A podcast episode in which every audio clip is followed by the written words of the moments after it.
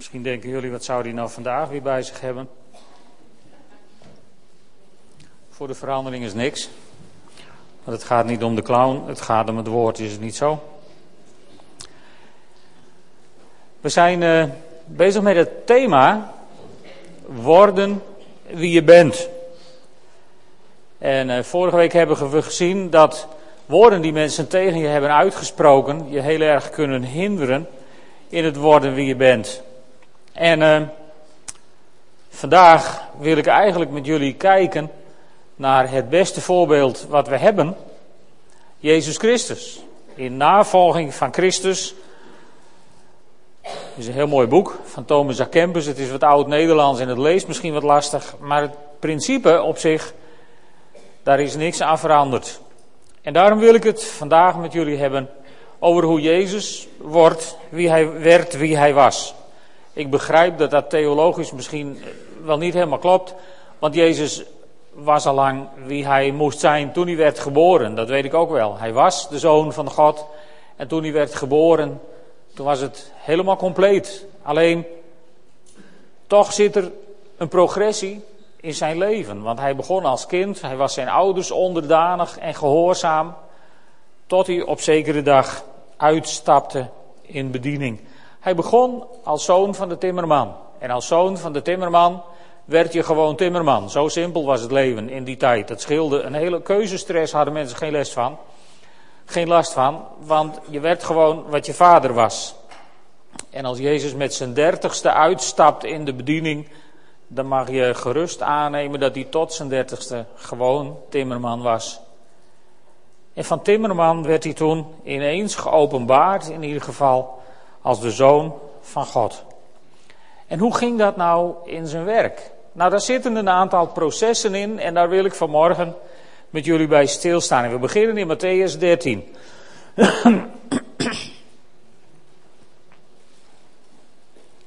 We wandelen wat heen en weer in het evangelie van Matthäus. Het begint in Matthäus 13.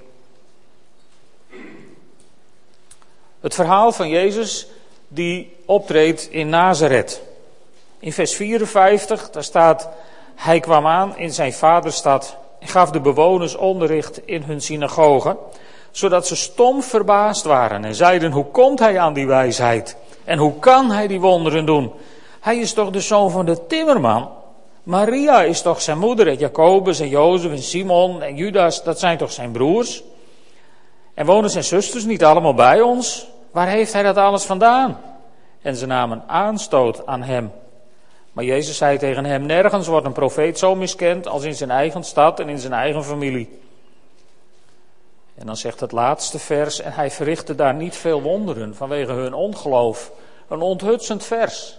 De zoon van God is in je midden. En de zoon van God die houdt een geweldige preek. En de mensen die luisteren naar. En die, en die denken. Kijk, je, je, je kunt op twee manieren reageren in zo'n situatie.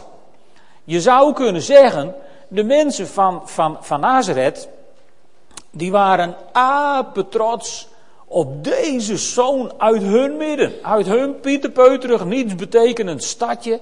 Staat daar ineens iemand en die preekt de sterren van de hemel en die geneest de zieken die die tegenkomt en die gooit de demonen naar alle hoeken als hij ze ontmoet. En geweldig, je zou hartstikke trots op zo iemand kunnen zijn. Maar ja, dan, dan, dan kijken ze naar hem en deze mensen, die zijn helemaal niet zo trots op hem. Die zeggen, ja, hoe komt hij aan die wijsheid en waar haalt hij het vandaan? Waar haalt hij het vandaan? En, en, en dan zeggen ze, en, en ja, waar haalt hij het vandaan? Wie denkt hij wel dat hij is? Proef je een beetje uit, uit de tekst. En dan zeggen ze, nou, hij is toch gewoon de zoon van de timmerman? Ik weet niet of je het herkent, maar, maar soms hebt u misschien ook wel eens zulke gesprekken. Soms heb je het dus over iemand. En dan, uh, ja, dan kunnen wij in Friesland zo makkelijk zeggen, nou dat is, dat is toch hier van die en die. En zien hij koest ik al niks mee. Dus ik hoor dat soort dingen af en toe.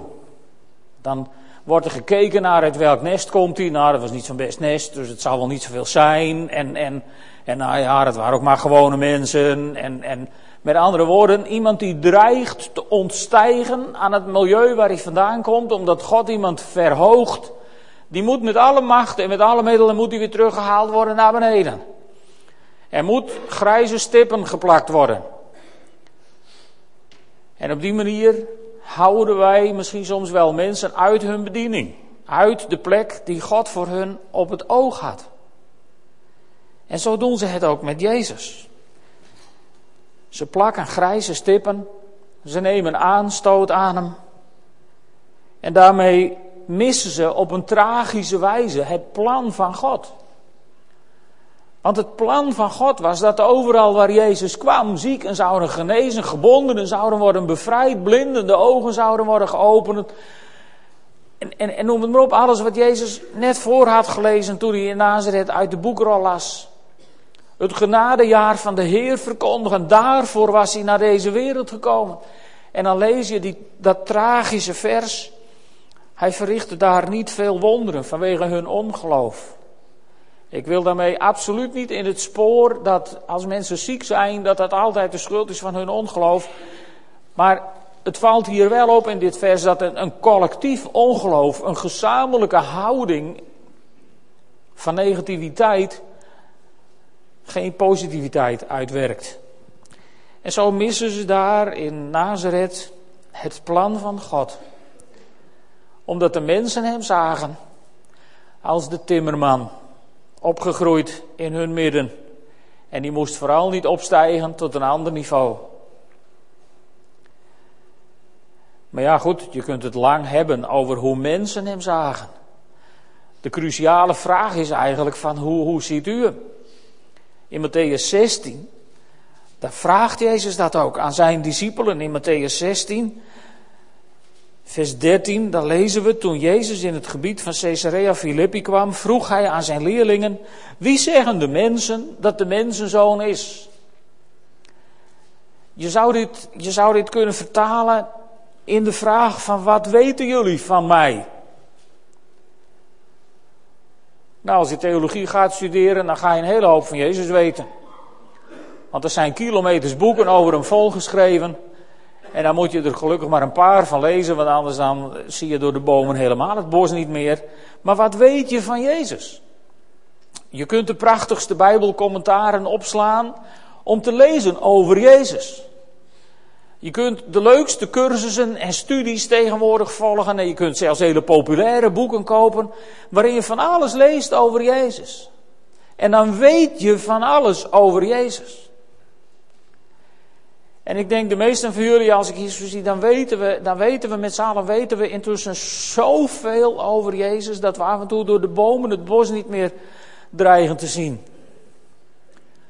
Ongelooflijk, wat weten wij veel over Jezus. Maar dan komt Jezus met die cruciale vragen. Eerst komen de discipelen met een antwoord. Nou, sommigen zeggen Johannes de Doper, anderen Elia weer, anderen Jeremia, een van de profeten. En toen vroeg hij hen, ja, en toen werd Jezus heel persoonlijk. Toen zei hij, en wie ben ik nou volgens jou? Wie zeg jij dat ik ben? En dat zou je kunnen vertalen in, in niet meer van wat weet je allemaal over mij? Maar toen werd ineens die hele persoonlijke vraag van, beste vriend, beste vriendin, ken je mij ook? Ken je mij ook? Wat beteken ik voor jou? En dat is een hele cruciale vraag als je wilt worden wie je bent. Want als je echt wilt worden wie je bent, als je wilt worden zoals God je bedoeld heeft, dan is er één centrale vraag in het leven. En dat is wat betekent Jezus Christus voor jou persoonlijk? En dat moet je niet op hoeven zoeken in het visiedocument van de gemeente. Dat moet je niet op hoeven zoeken in een boekje dat moet uit je hart naar boven komen. Want dit is wat God van je wil weten. Wat beteken ik voor jou persoonlijk?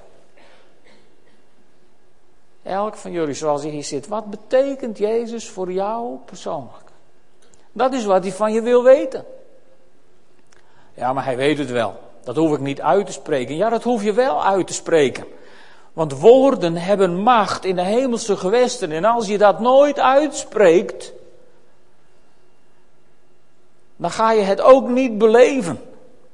Beleven wat Jezus voor je persoonlijk betekent, dat kan alleen als je het uitspreekt, als je die woorden tot leven wekt. Door ze te zeggen. En dan komt Petrus met dat prachtige antwoord. Petrus die zegt, u bent de Messias, de zoon van de levende God. En dat was het goede antwoord. Wauw, wat een antwoord. Betekent dat dat Petrus nooit meer van zijn geloof viel? Dat Petrus geen enkele fout meer maakte? Dat hij niks meer verkeerd deed? Oh ja hoor. Duurde niet zo heel lang, toen riep hij driemaal Jezus, nooit van gehoord. Die ken ik niet. Nee, daar hoor ik niet bij. Maar desalniettemin, omdat hij deze woorden had gesproken, herstelde Jezus hem in zijn eer. Hij kwam later in Johannes drie keer terug bij Petrus. Petrus, wie zei jij ook weer dat ik was? Hoe zat het ook alweer, Petrus? Drie keer herinnert hij Petrus aan die, aan die uitspraak van toen. Petrus, weet je het nog? Hoe zat het ook alweer? En zo wordt Petrus hersteld in ere. Prachtig. Om deze beleidenis, want dan zegt Jezus een paar prachtige woorden tegen hem. Dan zegt Jezus tegen Petrus: Gelukkig ben je, Simon, Bar Jona, zoon van Jona. Want dit is je niet door mensen van vlees en bloed geopenbaard, maar door mijn Vader in de hemel. En hoe openbaart Vader in de hemel dit soort dingen aan de mens? Nou, sinds Jezus naar de hemel is gegaan, openbaart Vader in de hemel deze dingen aan een mens door zijn Heilige Geest. En daarom wil ik het vandaag expliciet duidelijk zeggen. Als je Jezus Christus wilt kennen als jouw Heer en Verlosser, als jouw Messias en als jouw zaligmaker, dan moet je je hart wijd openzetten voor het ontvangen van de Heilige Geest. Want zonder de Heilige Geest, zegt Jezus hier tegen Petrus, dit zijn geen mensen van vlees en bloed die het hebben geopenbaard, maar mijn Vader in de hemel. Met andere woorden, de Heilige Geest maakt je duidelijk wat Jezus voor je betekent. En dat betekent volgens mij ook dat als je kunt zeggen van Jezus Christus is mijn persoonlijke heiland en mijn persoonlijke verlosser, dan ben je vervuld met de Heilige Geest. Sommige mensen twijfelen eraan en misschien komt dat ook wel omdat we dat in, in Pinksterkringen ingewikkeld hebben gemaakt. Maar het is helemaal niet zo ingewikkeld. Als je je hart aan Jezus geeft, zeggen we tegen de kindertjes op de zonneschool, dan komt hij in je hartje wonen. Nou, dan gaan we als ze later 25 worden, zij niet zeggen van nou, dat was niet waar, het zit anders. Als je je leven aan Jezus geeft, dan komt de Heilige Geest in je wonen. En het is aan, aan u hoeveel ruimte die dan krijgt in uw leven. Maar als hij in je woont en de ruimte heeft in je leven, dan wil de Heilige Geest je duidelijk maken in alle vezels van je lijf wat Jezus Christus voor je betekent. Maar kijk, ik, ik kan hier aan de ketting gaan liggen en ik kan hier vol staan met grijze stippen en daar kun je heel veel lol om hebben. En dat mag allemaal, dan hebben we het leuk gehad. Maar, maar waar het om gaat, lieve mensen, is wat betekent Jezus Christus voor jou persoonlijk? En misschien denk je, nou, dat is een bekeringspreek voor beginners. Nee, dat is om de donder geen bekeringspreek voor beginners. Dit is een cruciale vraag die we elkaar in het geloof heel vaak moeten stellen. Want Jezus kan zo makkelijk in de routine van alle dag en in het kerkje zijn van elke week, wat, wat ik absoluut propageer, wat ik hou van de zondagse samenkomsten, begrijp me goed. Maar het kan zo gauw worden tot een ritueel. Het kan zo gauw worden tot iets wat we dan religie noemen in plaats van levend geloof. En als geloof levend wil zijn, als je maandag, dinsdag, woensdag, donderdag, vrijdag en zaterdag wat wilt hebben aan je relatie met Jezus, dan kan dat niet alleen op de preek van zondagmorgen. Of op het aanbidden van zondagmorgen. Of op het koffiedrinken van zondagmorgen. Dat gaat gewoon niet, dat red je niet. Als je wat aan Jezus wilt hebben, elke dag van je leven, dan is het zo fundamenteel om je regelmatig die vraag te stellen die Jezus stelde aan Petrus. Petrus, wat beteken ik voor jou? En er zal altijd hetzelfde antwoord daar zijn. U bent de Messias, de Zoon van de levende God. U bent degene die mij redt. Heer, u bent degene die mij vrijmaakt van de machten van de duisternis, zodat ik met een ferme blik de wereld in kan kijken en nergens bang voor hoef te zijn. Geweldig. Zo is die vraag hoe je Jezus ziet zo ontzettend belangrijk. En het is zo belangrijk om dat elkaar af en toe te vragen. Wat betekent Jezus voor je? Vertel het elkaar. Bemoedig elkaar. Wees er creatief in om, om er allerhande omschrijvingen voor te bedenken, maar laat die kern blijven bestaan. Jezus Christus is mijn verlosser, de zoon van de levende God. En niemand anders. En ik zal je vertellen, als, als, dat, als dat de uitstraling wordt van ons dagelijks leven, dan zul je merken dat er een wereld om je heen is die God niet kent maar zo ongelooflijk, ongelooflijk hongerig is naar die relatie met die levende God. Stel ze niet teleur. Stel ze niet teleur. Er zijn heel veel mensen die misschien wel beweren nergens in te geloven. Maar als het gaat knijpen in het leven, als het moeilijk wordt in het leven, dan zul je merken dat dat meer façade is dan je misschien wel had gedacht. Ik heb zo vaak inmiddels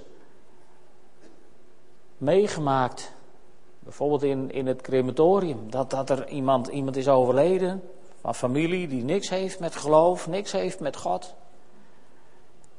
En dan zeggen ze toch tot ziens tot elkaar. Dan ik, hoe kom je daar nou bij? Hoe bedenk je het nou? Er zit toch in je hart kennelijk iets van besef dat er meer is tussen hemel en aarde. En wij mogen dat wat tussen hemel en aarde is, dat mogen wij kennen. Lieve mensen, wij zijn de meest bevoorrechte mensen op deze aarde. Want wij mogen die relatie met Jezus Christus, met de Zoon van de levende God, die mogen wij hebben. Dat is een voorrecht wat ons is gegeven. En God vraagt het je elke keer, en wat beteken ik dan voor jou? Dan gaat het niet om wat je weet, dan gaat het erom wat in je hart is. Wat is er in je hart? over Jezus Christus. En dan heeft, Jezus, dan heeft Petrus deze prachtige woorden gezegd. En dan zegt Jezus tegen hem: Jij bent Petrus, de rots waarop ik mijn kerk zal bouwen. Ben jij ook zo'n rots waar hij zijn kerk op kan bouwen? Weet je, als het fundament goed ligt, als het fundament is, mijn geloof staat op Jezus Christus, mijn Messias, de Zoon van de levende God. Als dat het fundament van je leven is, dan staat het als een huis. Dan kan het best nog wel eens moeilijk worden. En dan, dan kunnen alle machten van de duisternis tegen je in de weer komen. Maar als dit de beleidenis is van je hart, dan krijg je de volgende belofte mee. Matthäus 16, vers 18. De poorten van het dodenrijk of in andere vertalingen, de poorten van de hel zullen haar niet overweldigen. Als dit je beleidenis is, dan ben je onaantastbaar geworden.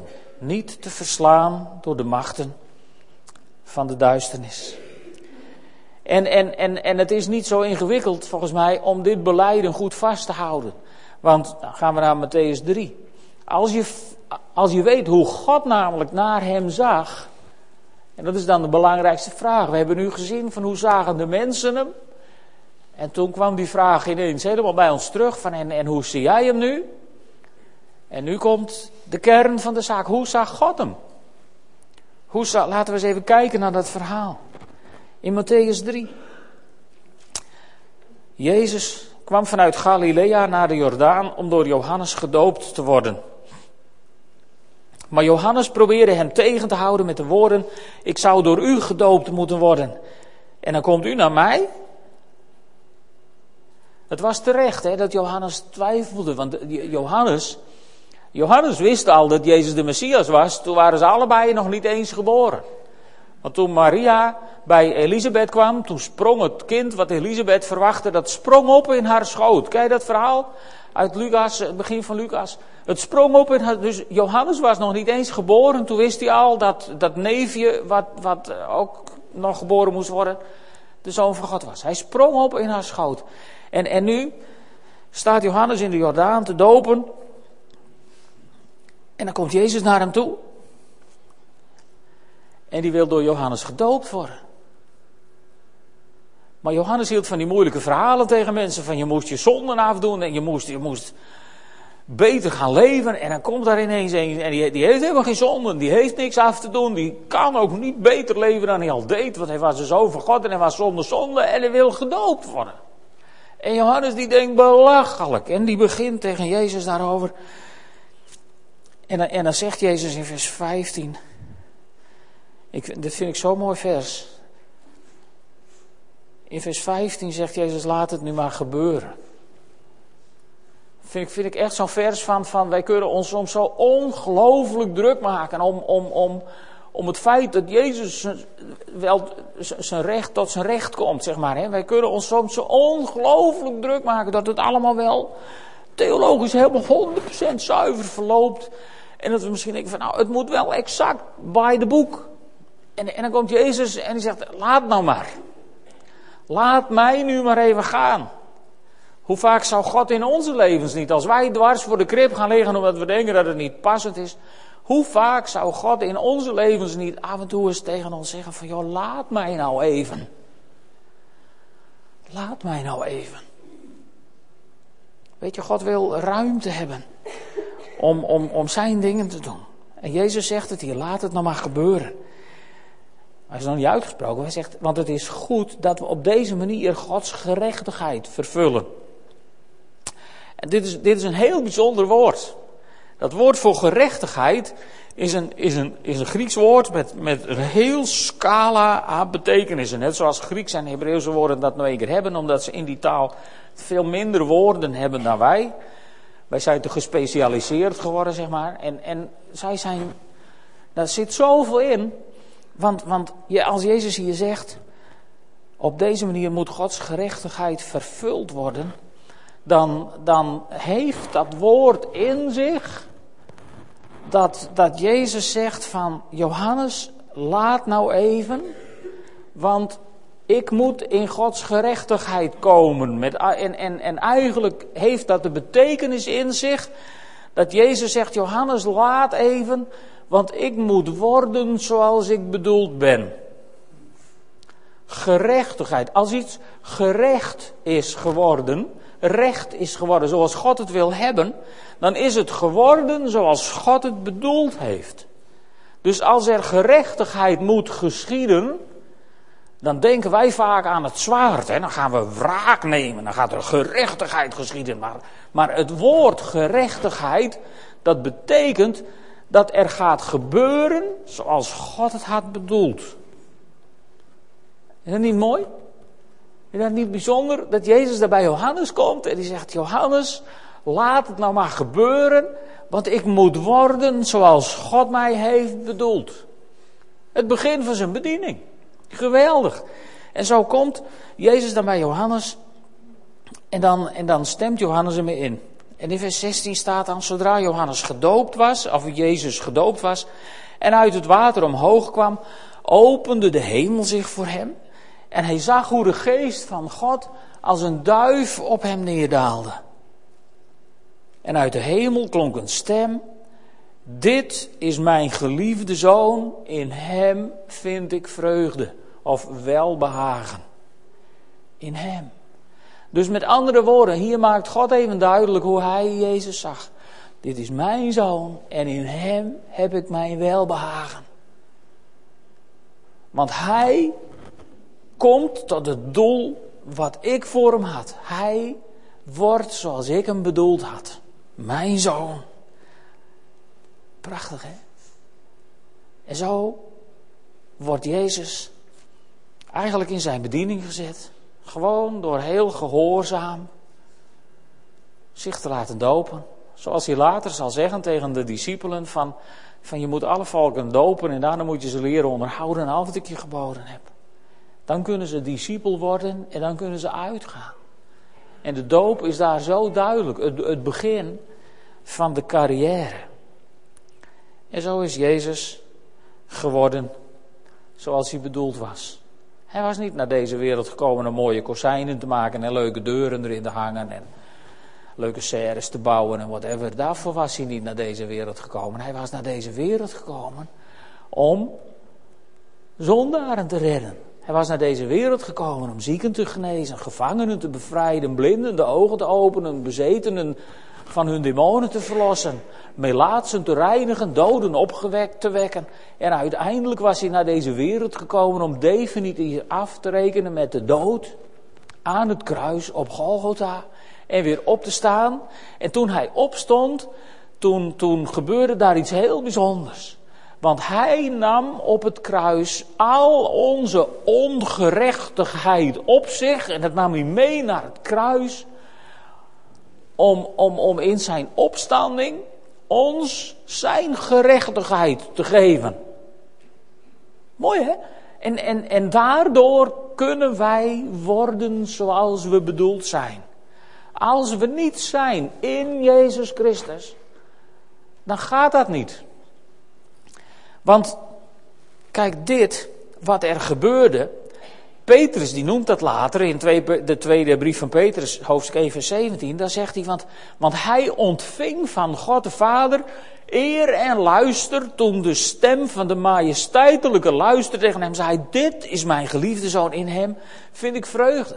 Dus toen kreeg Jezus de eer en de luister die hij nodig had om zijn bediening uit te oefenen. En, en ik geloof dat, dat door die eer en die luister die op hem gelegd was, was hij in staat om in het volgende hoofdstuk, Matthäus 4, de duivel te weerstaan, de verzoekingen te weerstaan. En daarom moest de duivel hem met rust laten. Want Jezus was ook onaantastbaar geworden. De poorten van de hel konden hem gewoon niet meer overweldigen, omdat hij in de glorie van God was gekomen. En dan is de sleutel van, dat was niet alleen de basis van zijn positie, dat is ook de basis van onze positie. Want in Efeze 1, vers 5, daar staat, daar zegt Paulus, God heeft ons. Eh, ik heb geen spiegeltjes, maar dan zou ik zeggen, kijk even naar jezelf. God heeft ons naar zijn wil en verlangen. Niet omdat wij het willen, maar omdat hij het wil. Naar zijn wil en verlangen heeft God ons voorbestemd om in Jezus Christus zijn kinderen te worden.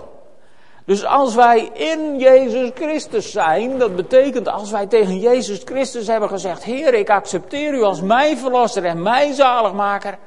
Dan komt de Heilige Geest in je wonen en dan ben je in Christus en dan ben je een kind van God geworden. En als de machten van de duisternis jou dan willen belagen, dan wijst God uit de hemel en die zegt, eh, eh, eh, deze is mijn zoon of mijn dochter in wie ik een welbehagen heb. Dat zegt hij over jou. Gefeliciteerd vanmorgen. Ik hoop dat je dit meeneemt naar huis, dat je hart dit kan pakken, dat God over jou zegt, hé, hey, jij bent mijn kind. En in jou heb ik een welbehagen. Ik ben blij met je. Ik schep een geweldig genoegen in jou. Dat wil God tegen je zeggen. Dat wil God dat je dat meeneemt vandaag. Als je wilt worden wie je bent. Als je wilt worden zoals God je bedoeld heeft. Dan moet je dit begrijpen.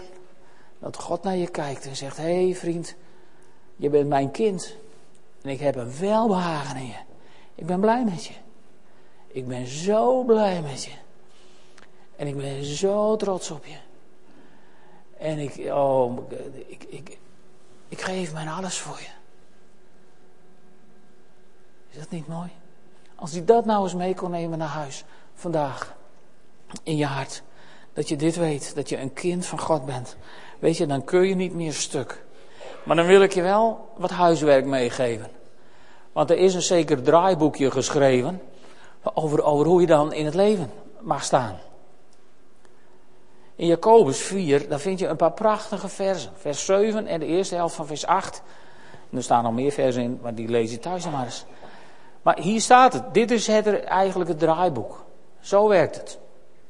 Het begint met onderwerp je dus aan God. Ja maar, nee, niks, ja maar, onderwerp je aan God.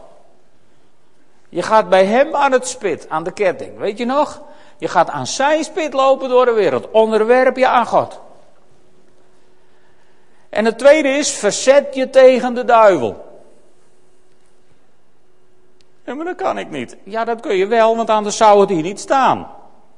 Er staan geen leugens in het woord van God, toch? Dus als God tegen je zegt, verzet je tegen de duivel, dan kun je dat, want anders dan zei hij het niet. Verzet je tegen de duivel, bied weerstand. En dan zal hij van u wegvluchten. Net zoals hij van Jezus moest wegvluchten en hem met rust moest laten in Matthäus 4.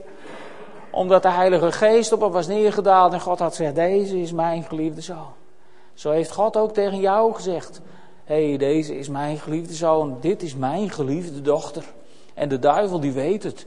En als je als geliefde zoon of als geliefde dochter gaat staan en zegt, hou even, dan moet de duivel je met rust laten. En dan staat er nader tot God. En hij zal tot jou naderen. God zoeken doe je nooit vergeefs. Jezus heeft het ook beloofd. Zoek dat je zult vinden, kloppen, je zal open gedaan worden, bid en je zal gegeven worden. Nader tot God en dan zal hij tot u naderen. Dit is het draaiboek. Het nadeel van dit draaiboek is dat de duivel zich er meestal niet aan houdt. En probeert om je in het gedrang te brengen. En waarom worden christenen dan zo vaak in het gedrang gebracht? Omdat ze dit draaiboek niet kennen. En zich er ook niet aan houden. Want als de duivel boer roept en jij gaat in een hoekje zitten, ah! Dat staat niet in het draaiboek. Als de duivel boer roept en je gaat staan en je roept ook boe, dan roept de duivel, ah, en die zal met de staart tussen de poten van je wegvluchten. Zo staat het in het draaiboek. Zo hoort het als de duisternis je benadert. En dat kun je omdat je in Christus Jezus bent. Gevuld met zijn Heilige Geest. Gekocht en betaald met het dierbare bloed van de Zoon van God. En er is kracht in het bloed, of niet? Dus je kunt het. En de Bijbel maakt dat ook duidelijk dat je het kunt. Want in Lucas 10, vers 19, daar staat dit. Daar zegt God, daar zegt Jezus. Ik heb jullie macht gegeven om slangen en schorpioenen te vertrappen. En om de kracht van de vijand te breken, zodat niets jullie kan schaden.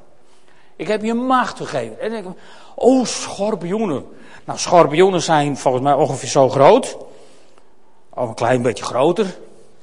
En, en wat hier nou staat, van is als zo'n schorpioen in je buurt komt, met de staart over zijn kop naar voren gebogen om je met zo'n vergiftigd ding te prikken. Als zo'n schorpioen in je buurt komt, dan staat hier het recept. Heel simpel. Einde schorpioen. Dat staat hier. Vertrappen. En de mensen in Israël, die kenden ook slangen wel. Je moet dat niet met zo'n anaconda doen voor 12 meter, maar dit ging over kleinere slangetjes, hè, van, die, van die giftige serpentjes. Die soms zijn van die addertjes onder het gras. En, en de Joden die wisten één ding heel goed. Als er zo'n addertje onder het gras even zijn kop liet zien. Dan was dit de oplossing. Zijn kop vermorzelen. Dat wordt je overigens in Genesis 3 al geleerd. Jezus zou komen om de Satan, de grote slang, de kop te vermorzelen. En omdat wij in hem ook zijn kinderen zijn, Gods kinderen, moeten wij al die kleine slangetjes gewoon vertrappen, zoals het hier staat.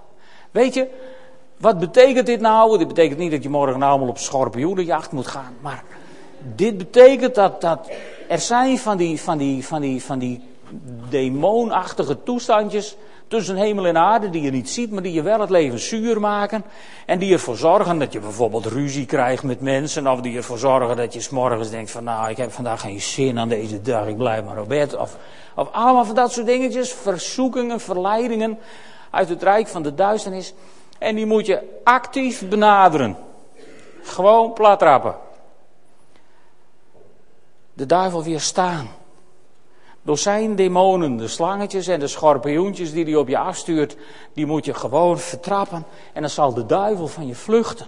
Je kunt het. Want God zegt, ik heb jou macht gegeven om dat te doen. Ik heb je macht gegeven om de duivel te weerstaan. Je bent geen willoos slachtoffer. Nee, je bent iets meer. Je bent namelijk meer dan overwinnaar door Hem die mij heeft liefgehad. Als je nou dat ons even vervangt door mij. En je schildert dat even op een groot papier en dat hang je zo voor het voeteneind van je bed. Als je dan s'morgens wakker wordt en je doet je ogen open en je, dan is het eerste wat je ziet. In dit alles ben ik meer dan overwinnaar door Hem die mij heeft liefgehad. Als je dag zo zou beginnen, wat een dag zou iedere christen hebben. Wat een dag zou het rijk van de duisternis hebben. Nou, niet zo'n beste. Dus meer dan overwinnaar kunnen we zijn. En, en betekent dat dat het gemakkelijk is, meer dan overwinnaar zijn? Nou, ik denk het niet. Je zou Sven Kramer eens moeten vragen hoe gisteren dat half uur na zijn schaatstocht was. Om meer dan overwinnaar te zijn. Toen hij zijn nagels op zat te kluiven en zijn haar uit zat te trekken. En, en wat hij allemaal wel niet zat te doen. Omdat er nog een aantal hele goede schaatsers ook moesten schaatsen. Je moet hem eens vragen hoe het was om meer dan overwinnaar te zijn. Ik heb hem na de tijd in het interview even gezien en toen kon je wel zien dat dat geen prettig half uur was. Dat is dan je eerste half uur als Olympisch kampioen. En daar moeten wij wat meer op letten. Wij zijn weliswaar meer dan overwinnaar in Hem die ons heeft liefgehad. Maar daarin moeten we niet in de illusie gaan wandelen dat het leven gewoon één grote bus met slagroom is. Er zijn ook moeilijke dagen in je leven. Er gebeuren dingen waar je niet blij mee bent. Er gebeuren dingen waar je pijn van hebt. Er gebeuren dingen waar je verdrietig van wordt. En, en af en toe vergeet je zo'n schorpioen plat te trappen en dan heb je toch een prik te pakken. En maak je toch ruzie met je vrouw of met je kinderen. Of, of heb je toch... Ja, dat gebeurt allemaal. Dat gebeurt allemaal. Maar als je de duivel weer staat door op te staan en zegt: Satan, ik pik dit niet dan moet hij van je vluchten. En hoe vaker je erin slaagt om dat te zeggen, hoe meer je gaat merken dat Satan de moed gaat verliezen. Want dat gevoel van nou begin er maar niet meer aan, want het wordt toch niks, dat kunnen wij ook wel eens hebben, maar dat is een demonisch gevoel. Satan is er helemaal in thuis, in dat gevoel. Weerstaan, ontmoedig hem, ontroof hem van zijn intenties om je lastig te vallen. En de vraag aan u is: waar staat u nu, vandaag? Waar sta je nu? Wanneer ga je nu een zoon of een dochter worden van God? Wanneer ga je worden wie je bent?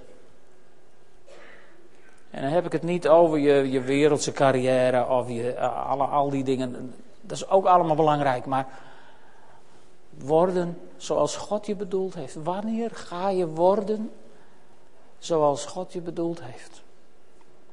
Wanneer ga je staan op je positie als kind van God? En wanneer ga je tegen de duisternis zeggen: En nu is het genoeg. Tot hiertoe en niet verder. Ik laat me niet langer intimideren. Dat wil niet zeggen dat het dan allemaal direct roze geur en maneschijn is. Maar lieve vrienden, ik kan je één ding vertellen. In moeilijke tijden zul je merken dat ze niet half zo moeilijk zijn als je de duivel geen voet geeft. Want dan ben je met Christus meer dan overwinnaar. En dan weet je van zelfs als ik pijn lijd, zelfs als ik ziek ben, zelfs als ik dierbaren verlies, zelfs als ik misschien zelf wel op het punt kom om te overlijden, in dit alles ben ik meer dan overwinnaar. En als ik dan in de hemel kom, begin ik weer van voren aan. En dan zal ik juichend voor zijn troon van genade staan.